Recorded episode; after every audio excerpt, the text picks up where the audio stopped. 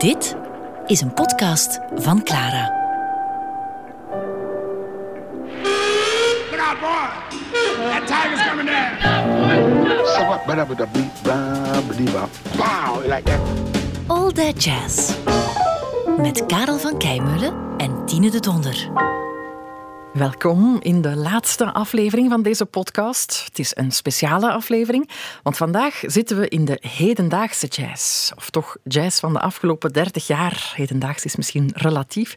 Maar bij mij zit, zoals elke keer, Karel van Keimeulen. Hij heeft de nummers gekozen. Karel, wat kan je ons vertellen over de keuze van vandaag, de sfeer van deze aflevering? Ja, het gaat om muzikanten die met een open geest eh, naar die muziek eh, luisteren en kijken en daarmee bezig zijn, die nieuwsgierig zijn en die van verrassingen houden. Mhm, Geef eens een voorbeeld van iemand die dat doet.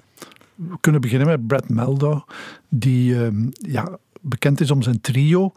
En het trio is een klassieke vorm in de jazz. Het bestaat al, al een tijdje. Maar heeft dat trio toch weer een, een nieuw elan gegeven. En bijna op een romantische manier. Je moet maar durven in de jaren negentig uh, volbloed romantieker willen zijn. En hij deed dat toch. Maar later heeft, is hij ook andere wegen opgegaan. Oké, maar we gaan eens luisteren naar hem in trio.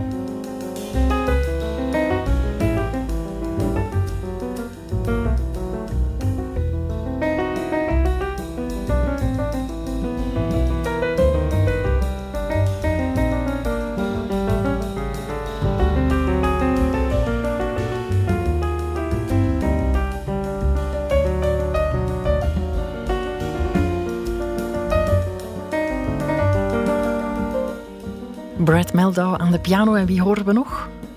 Uh, op de bas Larry Grenadier en uh, op drums hier Jorge Rossi. Jorge Rossi. Een uh, jazz trio, is dat nu moderne jazz? Toch wel door de atmosfeer, de, de geest die deze muziek uitademt. Brad Meldow is heel jong beginnen muziek maken en heeft eerst klassieke muziek gestudeerd en dan op, op zijn high school ontdekte hij jazz en is hij gaan studeren aan Berklee School, uh, Berklee College of Music en uh, volop in de jazz gegaan. Maar je hoort, die, je hoort in zijn spel altijd die klassieke invloed. Hij houdt erg van de romantische of hyperromantische harmonieën van, van Strauss of Mahler bijvoorbeeld. En Brahms, zegt hij, die heeft mij heel diep geraakt. Over zijn muziek, zeker die muziek uh, van die beginjaren, de jaren 90 en begin 2000, hangt altijd een, bitterzoet uh, parfum.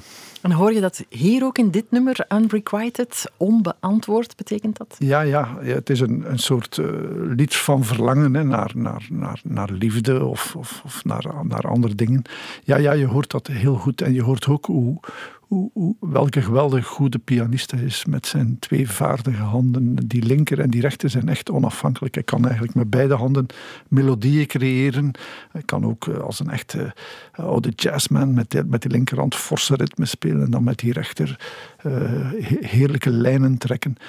Maar die klassieke, ja, die, dat touché, die onderliggende basis, ja, dat, dat ruikt ook naar klassieke muziek.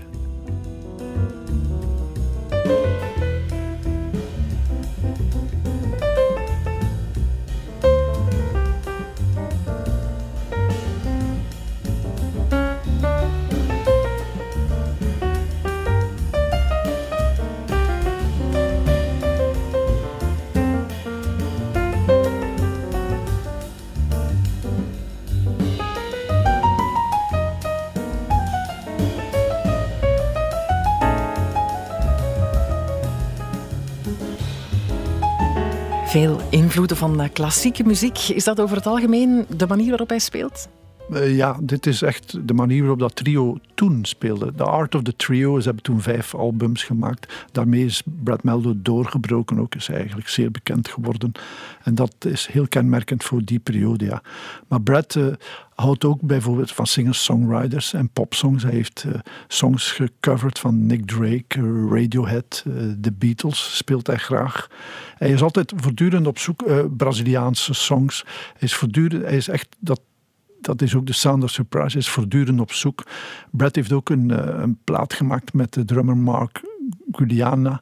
En dat is, daarop speelt hij synthesizers. En die Guyana is een moderne drummer die veel invloed in drum en bass in zijn spel heeft. En dat klinkt dan helemaal uh, helemaal anders met die zware synthesizers, maar het is ook heel geraffineerd en vernuftig gedaan. Eh, Brad Meldau verzorgt zijn opname bijzonder goed. Hij heeft ook opnamen gemaakt uh, met, uh, met een popproducer, uh, Largo. Dan klonk het weer een beetje anders. dus hij, gaat diverse wegen op. En recent heeft hij, tijdens de lockdown, heeft hij ook een, een album gemaakt, Suite, als een beetje ondersteuning aan alle muzikanten die het toen moeilijk hadden. -hmm. En als hij zo'n cover maakt van bijvoorbeeld Radiohead, is dat dan nog jazz te noemen wat hij maakt? Jazeker, want hij zet die song naar zijn hand. Hij kiest die song omdat hij van die melodie houdt of van bepaalde uh, structuren in die song. Maar hij maakt daar een Brad Meldo nummer van. Je, je, je, herkent onmiddellijk dat het Brad Meldo is, maar je herkent natuurlijk ook dat het die song van uh, Radiohead is. Hij ja, is daar een meester en hij kan daarmee spelen. Hij, hij vindt dat prettig om, om met die mooie songs aan, aan de slag te gaan. Een grote vakman.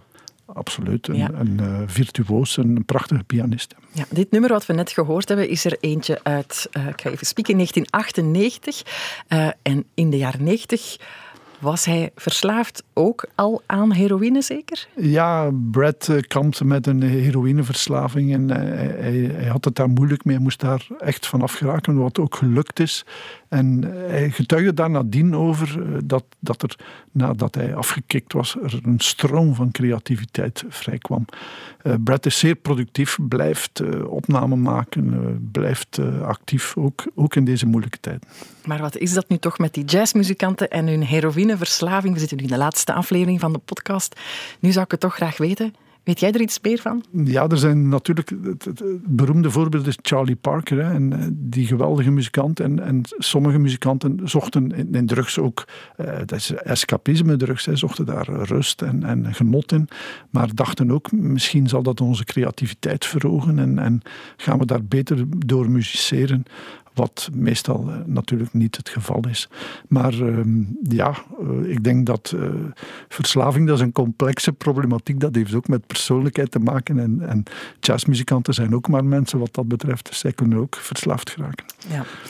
Nu, de volgende groep is uh, de Bad Plus. En het nummer dat we daarvan uitgekozen hebben, is er eentje van Nirvana. Daar is ook weer toch een link met de drugs. Maar vertel jij maar, wat gaan we horen? Smells Like Teen Spirit, de beroemdste song van Nirvana, denk ik.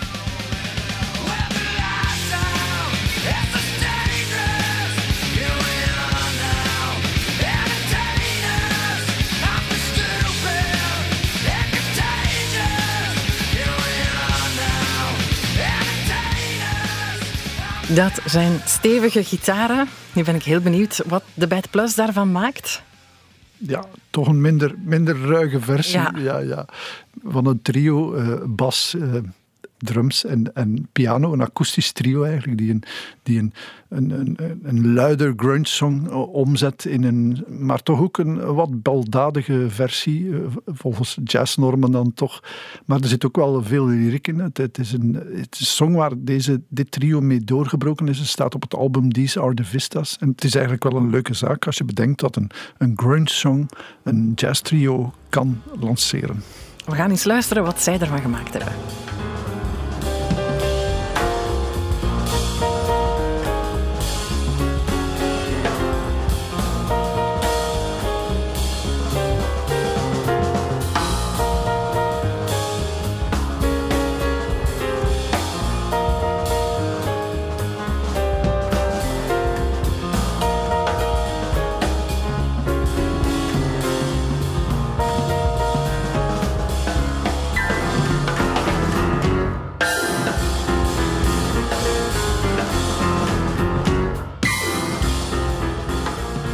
Heel herkenbaar en heel plezant ook, hè? Ja, er zit wat humor in. Hè. Zij maken er toch iets meer een lyrische, maar toch nog, nog steeds baldadige versie van. Ja, de oorspronkelijke song die sloeg op angst, ontgoocheling, bitterheid. Dat wordt hier toch wel een beetje afgezwakt. Hier, hier gaat het toch meer om het muzikale plezier. Maar ook, ja, ze zijn, wat, het zijn nog jonge muzikanten en ze willen uh, toch wat, wat stout zijn en dat hoor je goed. Hè. Er, zit, er zit veel speelset in. Ja, en wie zijn ze? Ja, naast de pianist Iverson heb je de drummer Dave King en de bassist uh, Reed Anderson. En King en Anderson zijn echte jeugdvrienden, zijn waarschijnlijk opgegroeid met de muziek van Nirvana. En ze konden Ethan Iverson, die iets jonger is en die toen directeur was van een dansgezelschap van Mark Morris, een bekend dansgezelschap, overtuigen om, om zich bij het trio te voegen. Want Ethan Iverson is eigenlijk een vrij uh, klassieke jazzpianist, eh, mag ik zeggen. En ook klassieke pianist. Hij speelt ook klassieke muziek. En eh, ze moesten hem toch een beetje dwingen om wat jongensachtiger en qua jongensachtiger te worden. Ja, het is een nummer uit 2003, maar ondertussen zijn ze nog altijd bezig. Dus ze zijn echt wel een gevestigde waarde, denk ik dan. Ja, het trio toerde toen enorm veel. Het trad veel op en heeft echt een live reputatie gemaakt. Ze hebben nog popsongs gecoverd. Maar ze hebben bijvoorbeeld ook uh, Stravinsky gecoverd, Sacre du Printemps. Uh, ze, ze, schrijven ook eigen nummers. Ze bleven toch altijd nog wel aan de gang met die grunge grooves en uh, reconstructies van andere muziek. En ze houden ook wel een beetje van geïmproviseerde chaos. Maar het zijn toch wel knappe muzikanten als je ze live bezig ziet en die interactie. Het is een hecht trio, ook met de nieuwe pianist Oren Evans, I think. Ja, en daarin zitten die open geest dan voor, van deze aflevering voor jou? Ja, dat is echt een, een, mooi, een trio dat mooi bewijst hoe jazz veel invloeden kan verwerken en daar toch een, uh, een eigen kleur een, kan aan geven, een eigen stempel kan opdrukken. Ja, en doen ze dat dan, vind je, met respect voor het origineel? niet altijd respect, maar, maar ze, ze houden wel van die muziek, dat hoor je. Maar ze maken daar hun, hun, hun eigen constructies van hun eigen muziek wat gewaagd. Eh, soms in de beginnen, zeker toen ze nog wat jonger waren, met een soort post-punk-attitude zou je kunnen zeggen. Ja, ze durven wel heilige huisjes slopen, maar ze maken daar dan nieuwe muziek mee, nieuwe opwindende muziek. Zoals eh, van Smells Like Teen Spirit maken ze eigenlijk een... Uh, dat gaat van een vrij zorgeloze wandeling naar een opwindende uitbarsting, zou je kunnen zeggen.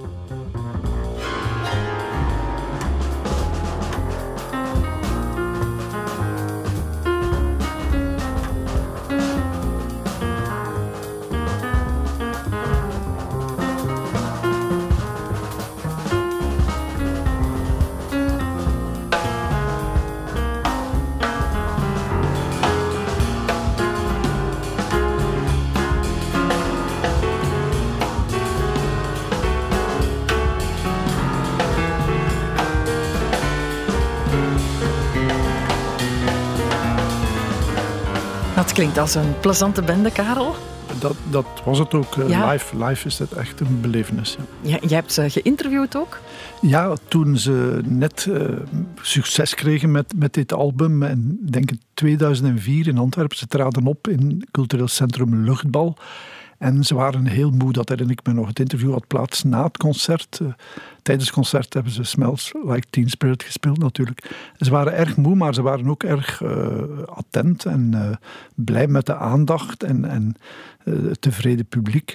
En ik stelde toen ook vragen, waarom coveren jullie die, die popnummers en wat doen je? Wat is de ambitie daarmee en waarom doen jullie dat? En ze vertelde toen ja, dat in, in, in jazz zoveel mogelijk is, dat er geen wetten zijn, geen grenzen zijn. Waarom dan geen, geen pittig popnummer nemen? Uh, dat is even goed als, als een oude standard, waar ze ook veel liefde voor hebben, maar ze maakten ook hun eigen muziek. Het zijn uh, kerels die opgegroeid zijn in, met muziek in de jaren 80 en 90 en dus ze hebben al die moderne muziek uh, opgezogen en die vermengen ze dan met, met, hun, met hun jazzkennis. Ja, en vandaar dus die, dat open vizier. Ja, ja, uh, open geest. En hele creatieve muzikanten. Die Ethan Iverson, de pianist, is nu een hele andere weg uitgegaan. Maar ook Dave King en Reed Anderson hebben hun eigen projecten.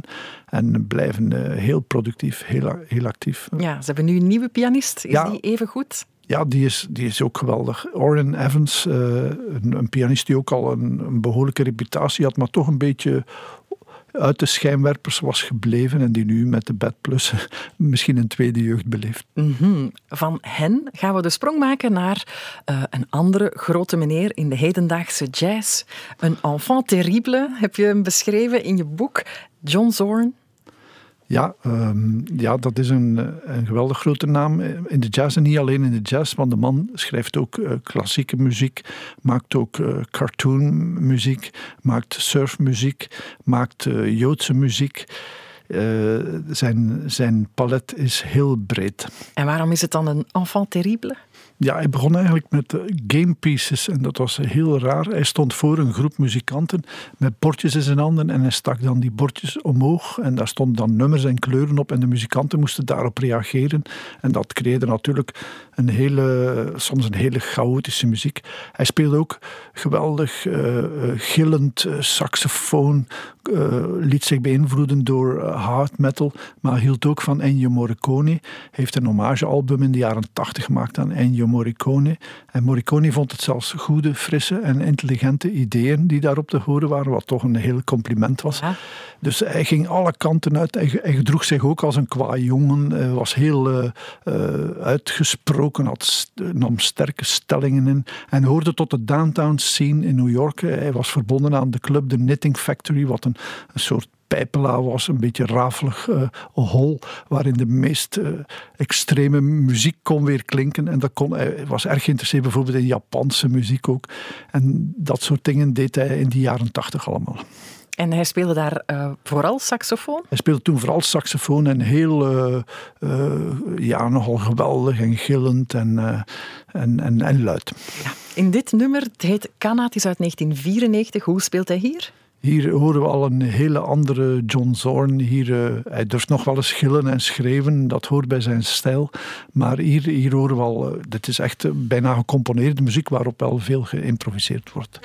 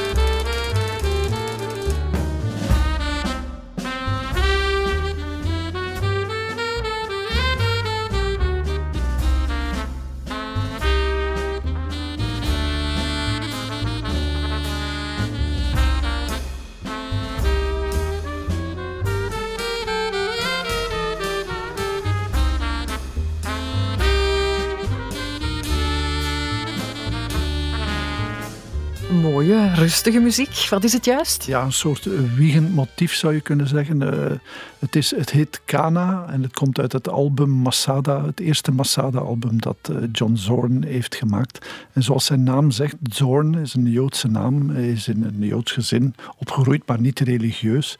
En in, de, in zijn jonge jaren was hij daar absoluut niet mee bezig. Maar hij maakte toen een album, Kristalnacht, om, als herdenking aan de fameuze Kristalnacht uh, in 1938, toen de nazi's uh, de Joodse eigendommen en de, en de, Joodse mensen aanvielen tijdens die fameuze nacht. En allerlei ruiten werden gebroken, vandaar de naam Kristalnacht. En hij herdacht dat op, op dat album, een zeer uh, beklemmend album was dat.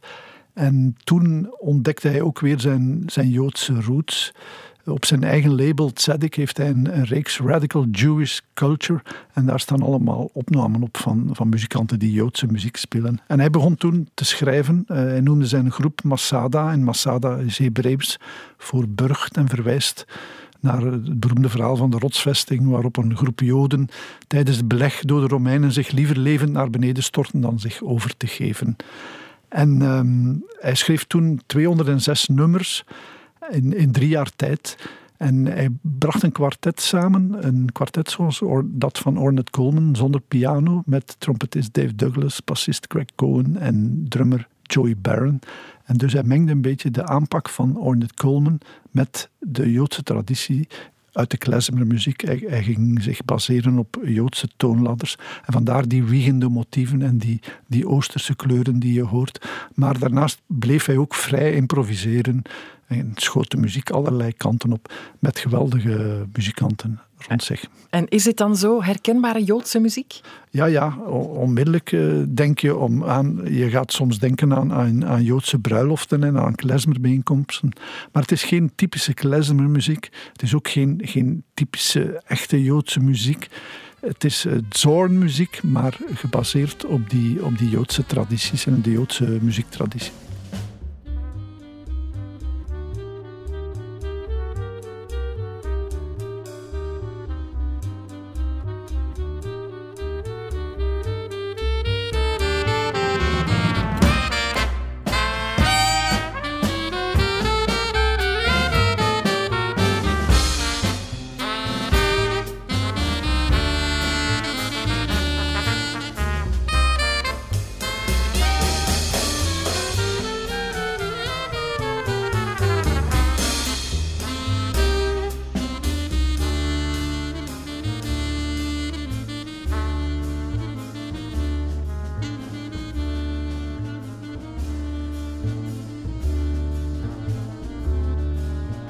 Is heel feestelijke Joodse muziek. Ja, het is soms eh, heel weemoedige muziek ook. Hè. Dat zit ook diep in de Joodse muziek. Hè. Zeker als je, als je aan, aan die motieven, aan die treurige, meer treurige motieven denkt. Maar er zit ook veel vreugde en feestelijkheid in. En, en Zorn weet dat perfect uh, te combineren in dit kwartet. Ook dankzij de geweldige capaciteit van trompetist Dave Douglas en de drummer en de bassist. Ja, nu, het is een echte superster, John Zorn. Dan vraag ik mij af, hoe hard heeft hij ervoor gezorgd dat wij vandaag in België of op Clara Joodse muziek spelen?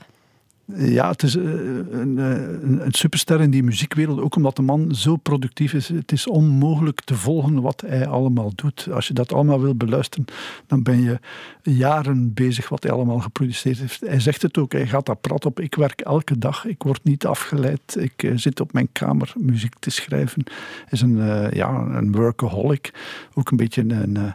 Een uh, zeer koppige, eigenzinnige man die goed weet wat, wat hij wil. Uh, heel, in zijn muziek heel eclectisch. Hè. De jongste tijd is hij bijvoorbeeld bezig geweest met een eerbetoon aan Ennio Morricone. Daar is een uh, album van uitgekomen. Maar hij maakt ook een, een songproject. Hij schrijft ook uh, liedjes. En die heeft hij opgenomen met Petra Hayden. En dat is de dochter van Charlie Hayden. Dus dan zitten we weer dichter bij de jazz. Ja, duidelijk een man die van veel markten thuis is en een heel belangrijke naam in de hedendaagse jazz. Ja, omdat hij zo productief uh, is geweest ook. Hè. Omdat hij ook zoveel bronnen heeft aangeboord en, en, dat eigenlijk vrijwel altijd met, met veel vakmanschap en, en uh, goede smaak en succes heeft gedaan. Zelfs als hij hard metal maakt, zit daar nog altijd de toets van, van John Zorn in. Hij, durft dat, hè. Van schreeuwende muziek, hard metal, uh, uh, soundtrack-motieven. Hij, hij, schiet alle richtingen uit. Hij, durft heel strenge klassieke instrumentale muziek dan aanpakken met een soort jazz-attitude en die op die manier laten uitvoeren, wat een, weer een ander effect geeft. En John Zorn is echt een, uh, ja, ja, een zeer, uh, bijna geniale man, zou ik, zou ik zeggen. Mooie woorden. En daarmee gaan we richting het laatste nummer. Het laatste nummer van deze podcast ook. Dat is er eentje van een jongeman, 45 is hij, ik mag dat nog jong noemen, pianist Jason Moran. Ja, een, een, intussen een uh, grote naam in de jazz. Uh, een pianist die afkomstig is uit Houston, Texas. Uh, en in New York is gaan studeren en daar zijn weg heeft gevonden. En die zelf zijn nummer schrijft, zoals ook wat we nu gaan horen? Ja, nu horen we Gangsterism on a River. Ja, in dat nummer uh, speelt hij, heeft een gast uh, naast zijn trio. En dat is de saxofonist Sam Rivers. En River verwijst al naar de naam Rivers. En Rivers was een, een brugfiguur in de jazz, kun je zeggen, van een, van een generatie van avant-garde muzikanten. Hij heeft nog bij Miles Davis gespeeld en met de Etendaagse scene.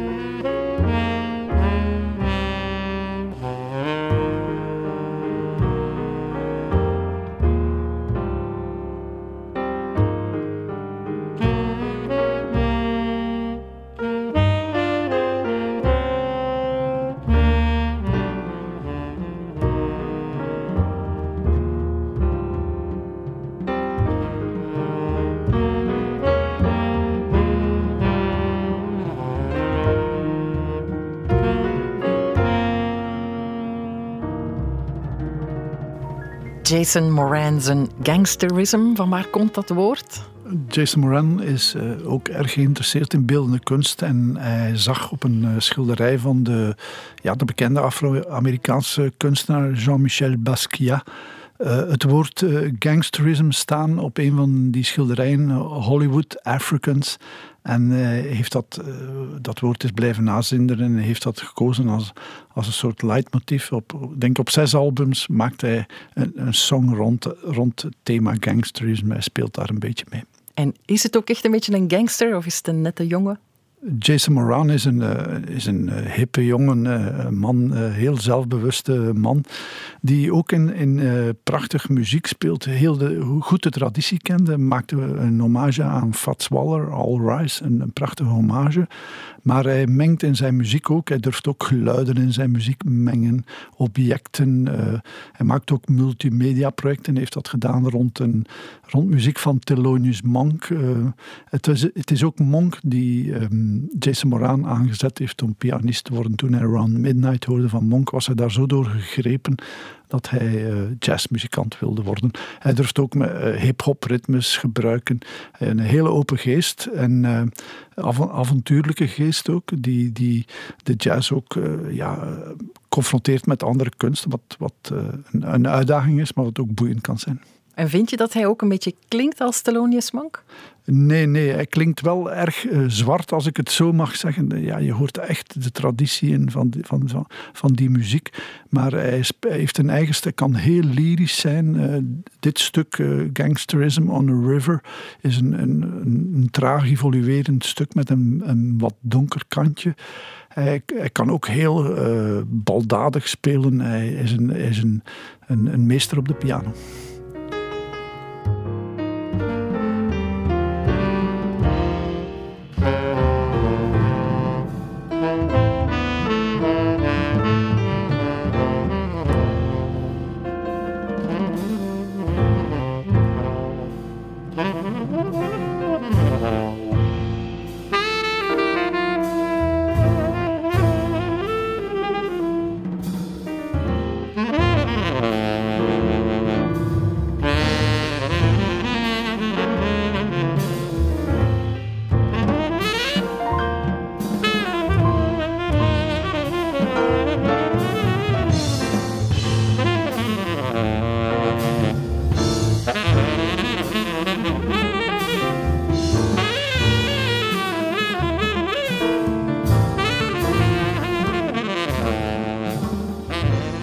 Nog vrij klassiek.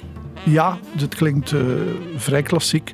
Maar ik vind het mooi dat Jason Moran hier uh, saxofonist Sam Rivers heeft uitgenodigd om, om als gast uh, te komen soleren, mee te spelen op dit stuk. Sam Rivers, een wat miskende saxofonist die op dit moment, terwijl hij speelt met Jason Moran, al een oudere, een oudere man is.